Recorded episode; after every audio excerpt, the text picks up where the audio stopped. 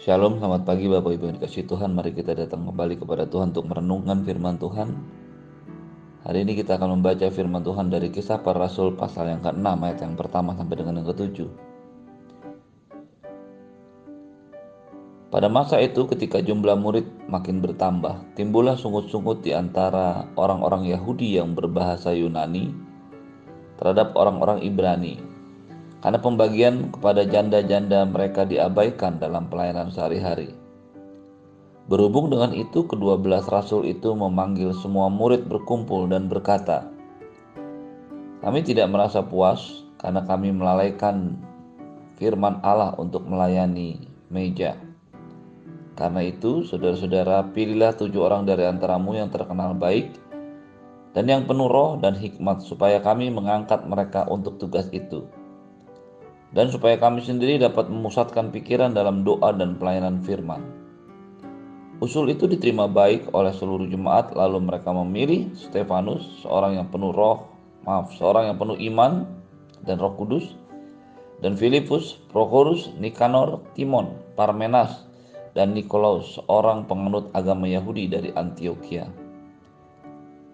Mereka dihadapkan kepada rasul-rasul, lalu rasul-rasul pun berdoa dan meletakkan tangan di atas mereka. Firman Allah makin tersebar dan jumlah orang atau jumlah murid di Yerusalem makin bertambah banyak. Juga sejumlah besar imam menyerahkan diri dan percaya. Bapak Ibu yang dikasih Tuhan, kita sudah tahu sebelumnya bahwa penganiayaan, halangan, tekanan yang dilakukan oleh orang-orang Yahudi, imam-imam kepala maupun orang-orang Saduki terhadap rasul-rasul tidak membuat mereka takut untuk pergi memberitakan firman. Setiap hari mereka melanjutkan pengajaran mereka di bait Allah dan di rumah-rumah orang dan memberitakan Injil tentang Yesus yang adalah Mesias. Itu yang dikatakan dalam kisah Rasul 5 ayat 42. Akibat semua yang mereka kerjakan dan lakukan, bertambah banyaklah orang percaya. Ketika kita melihat pertama kali pada waktu Pentakosta Petrus berkhotbah untuk 3000 orang. Lalu Petrus berkhotbah di pintu gerbang indah dan akibatnya ada 5000 orang menjadi percaya. Maka jumlah orang percaya yang ada pada saat kita membaca firman Tuhan ini sudahlah bertambah besar dan bertambah banyak. Kita juga tahu bahwa banyak mereka jemaat Tuhan hidup dalam persekutuan yang erat. Banyak dari antara mereka yang menjual propertinya, tanah dan rumah dan semua yang dimilikinya dan meletakkan uangnya di kaki rasul-rasul untuk dibagi-bagikan kepada setiap orang sehingga tidak ada yang berkekurangan di antara mereka. Tetapi tetap saja ada masalah Tetap saja ada persoalan yang timbul ketika ribuan orang banyak berkumpul bersama-sama. Bapak Ibu yang dikasih Tuhan, masalah-masalah ini adalah sesuatu yang wajar dan sebenarnya harus diselesaikan. Masalah terjadi ketika orang-orang Yahudi yang berbahasa Yunani yang sering disebut dengan kata Helenis. Mereka merasa bahwa janda-janda mereka, orang-orang Ibrani, orang-orang Yahudi yang berbahasa Yunani ini diabaikan dalam pelayanan sehari-hari. Berita ini sampai kepada rasul-rasul. Bapak Ibu yang dikasih Tuhan, ketika terjadi masalah dalam pelayanan dalam gereja, itu bukanlah sesuatu yang aneh kita tidak tahu persis apakah betul-betul terjadi ketidakadilan dalam pembagian terhadap janda-janda orang Yahudi yang berbahasa Yunani ini. Tetapi ketika mendengar akan hal itu, maka rasul-rasul mengambil keputusan untuk mengumpulkan murid-murid. Bapak Ibu yang dikasih Tuhan, ketika ada masalah dalam pelayanan, masalah itu haruslah diselesaikan kita harus menghindari kesempatan si jahat mengambil bagian dan mencoba menghancurkan pelayanan atau gereja Tuhan dari dalam. Kita tahu pasti sejak awal iblis mencoba menghalangi pemberitaan Injil. Dan ini pernah coba dilakukannya dengan menahan mereka, menghalangi mereka dari luar.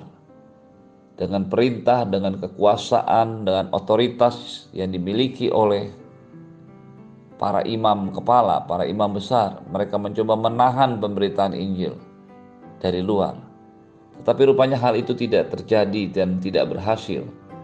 Sehingga akhirnya kesempatan itu datang melalui masalah yang timbul di dalam gereja itu sendiri atau pelayanan itu sendiri. Kita tidak tahu persis berapa jauh ketidakadilan itu terjadi, tetapi pertanyaan pertama, rupanya orang-orang Yahudi yang berbahasa Yunani atau kaum Helenis ini, mereka merasa sesuatu yang berbeda dengan orang-orang Yahudi yang berbahasa Yahudi, berbahasa Ibrani. Perasaan ini lebih kuat daripada satu kebenaran firman Tuhan bahwa di dalam Tuhan tidak ada lagi suku bangsa apa pun karena kita telah dipersatukan oleh darah Yesus yang sama. Tetapi bagaimanapun juga Bapak Ibu yang dikasih Tuhan, inilah kenyataan bahwa sering kali kita merasa suku, golongan, atau apa pun atribut lahiriah kita itu lebih penting dari segala sesuatu. Ketidakadilan yang dialami oleh janda-janda dikelompokkan ke dalam janda-janda Helenis, yaitu orang Yahudi yang berbahasa Yunani. Adanya masalah saja di antara kamu sudah merupakan satu kekalahan. Itu yang dituliskan oleh Paulus kepada jemaat di Korintus. Ketika gereja mengalami masalah, sebenarnya itu sesuatu yang wajar, sesuatu yang alami. Tetapi ketika masalah itu dikaitkan dengan golongan, dengan kelompok, maka itulah sumber masalah yang sebenarnya. Itulah sebabnya rasul-rasul mengambil keputusan melawan semua serangan si jahat dari dalam ini. Dia mengumpulkan murid-murid, lalu meminta mereka memilih orang-orang yang akan mereka utus untuk melayani, menyelesaikan masalah ketidakadilan ini. Perhatikan baik-baik apa yang dikatakan oleh rasul-rasul. Mereka berkata, "Kami tidak merasa puas karena kami melalaikan firman Allah untuk melayani meja." Ada satu terjemahan yang lebih tepat mengatakan, "Kami tidak merasa prioritas atau tidak merasa salah. Kami merasa salah kalau kami tidak memperhatikan mereka karena kami tidak mau memperhati, karena kami tidak mampu memperhatikan mereka karena kami berpusat pekerjaan atau pelayanan kami yang utama adalah doa dan firman. Kata-kata kami tidak merasa puas karena kami melalaikan firman Allah untuk melayani meja sering kali menjadi arti bahwa mereka lalai dalam melayani meja. Tentu saja tidak. Bukan itu yang dimaksudkan oleh rasul-rasul. Rasul-rasul hanya ingin mengatakan bahwa kami merasa bukan itu pekerjaan atau tugas yang harus kami lakukan. Pekerjaan atau tugas kami bukanlah untuk melayani meja. Itu sebabnya dikatakan, pilihlah saudara tujuh orang dari antara kamu yang terkenal baik, penuh roh dan penuh hikmat supaya kami mengangkat mereka untuk tugas itu supaya kami sendiri dapat memusatkan pikiran dalam doa dan pelayanan firman. Jadi Rasul Rasul ingin menyatakan bahwa tugas mereka adalah melayani doa dan firman. Dan kami tidak mau menjadi pelayan meja karena dengan itu kami menjadi kehilangan fokus utama kami. Hal ini menunjukkan kesalahan yang dilakukan oleh rasul-rasul adalah bukan mereka melalaikan pembagian kepada janda Helenis tadi. Tetapi mereka merasa memang mereka tidak berkonsentrasi, tidak fokus untuk melayani meja karena mereka fokus untuk melayani doa dan firman. Hal ini menegaskan betapa rasul-rasul menyadari betul tugas utama mereka Tugas utama mereka adalah memusatkan diri dalam doa dan firman. Dan mereka tidak mau menjadi salah ketika akhirnya mereka ikut-ikutan atau banyak menyediakan waktu untuk melayani meja.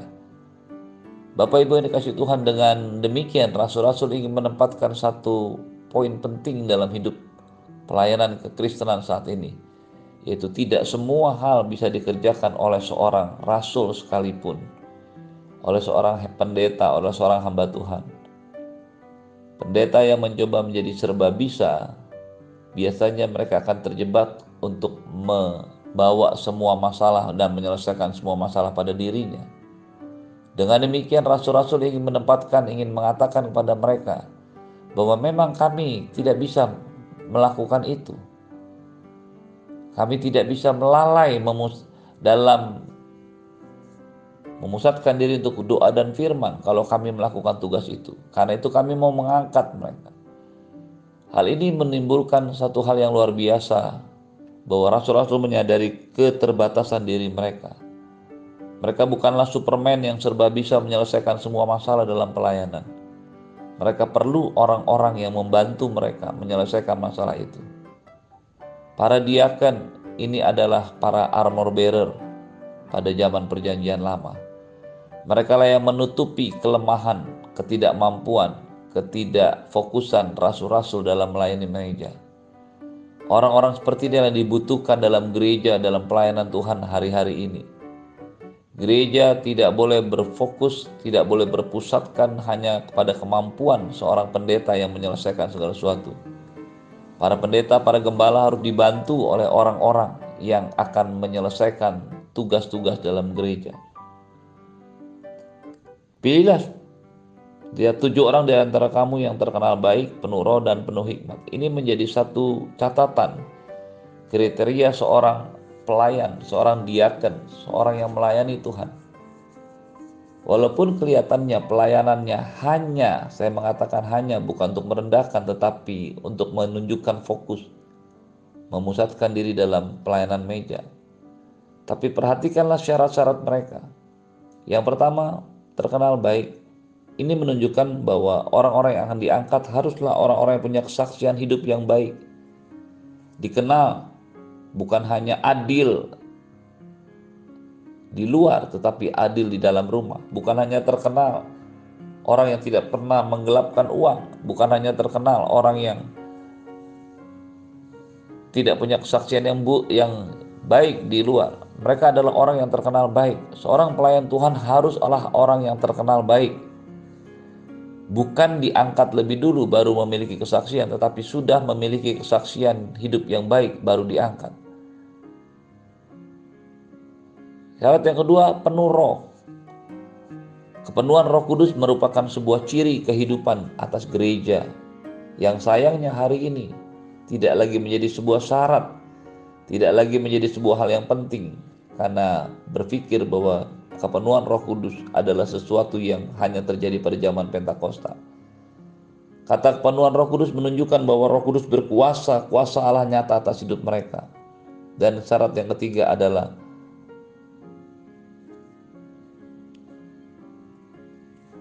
penuh iman, penuh roh dan hikmat.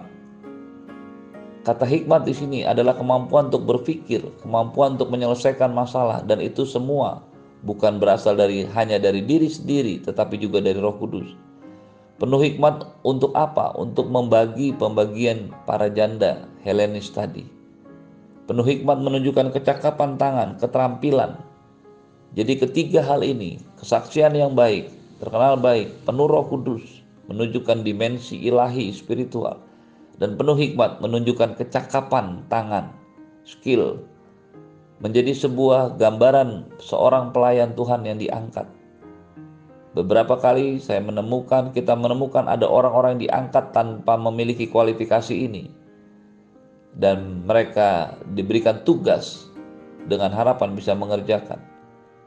Tetapi Alkitab mencatat kepada kita, memberikan sebuah catatan buat kita bahwa semua ini haruslah terjadi sebelum orang tersebut diangkat untuk sebuah tugas pelayanan.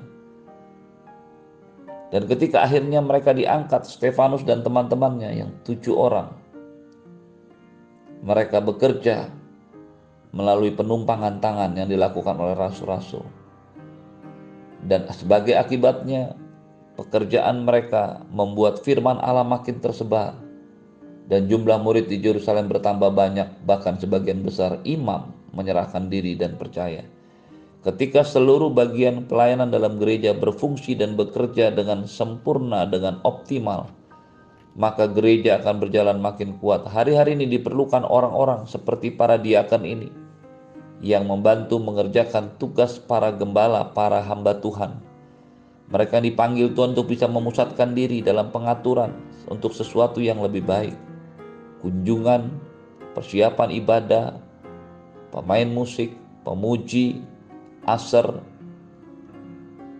administrasi dalam gereja semua memerlukan orang-orang yang terkenal baik, penuh roh, dan penuh hikmat. Ketika itu terjadi, maka rasul-rasul bisa fokus pada doa dan firman yang memang menjadi tugas mereka. Dan akibatnya banyak orang menjadi percaya. Mari menjadi para diaken, armor bearer yang dipenuhi dengan Roh Kudus. Terimalah berkat yang berlimpah-limpah dari Bapa di surga, cinta kasih dari Tuhan Yesus, penyertaan yang sempurna daripada Roh Kudus menyertai hidupmu hari ini dan sampai selama-lamanya di dalam nama Tuhan Yesus. Semua yang percaya katakan amin.